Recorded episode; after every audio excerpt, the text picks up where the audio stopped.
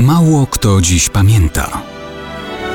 Datownik historyczny prezentuje Maciej Korkuć.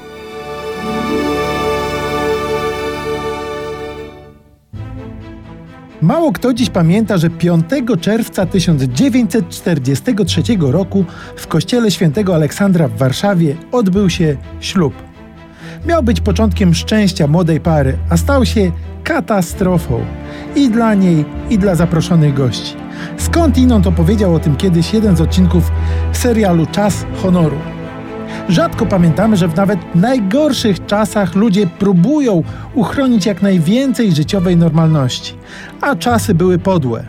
W roku 1942 Niemcy panoszą się w okupowanej Polsce jak u siebie.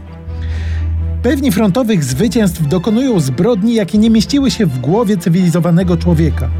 W Armii Krajowej powstaje więc specjalny oddział do działań dywersyjno-sabotażowych i likwidacyjnych.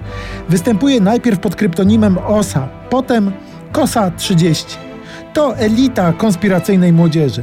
W brawurowych akcjach chirurgicznie eliminują spośród żywych niemieckich funkcjonariuszy i różnych zdrajców.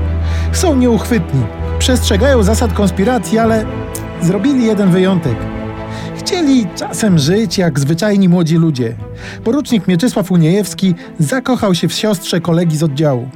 Na 5 czerwca 1943 roku wyznaczają datę ślubu. Zapraszają krewnych i znajomych, w tym kilkudziesięciu żołnierzy oddziału Osa Kosa.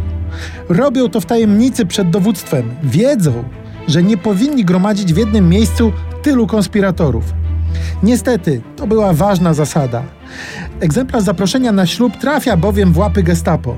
Taki prezent nie zdarza się na co dzień. Kiedy odbywa się ceremonia, kościół zostaje otoczony przez Niemców. Finalnie aresztują 89 osób. 56 z nich bestialsko torturują. Wielu niedługo potem zabijają, w tym niedoszłego pana młodego. Taki był finał młodzieńczej miłości. Miało być szczęście, wyszła tragedia.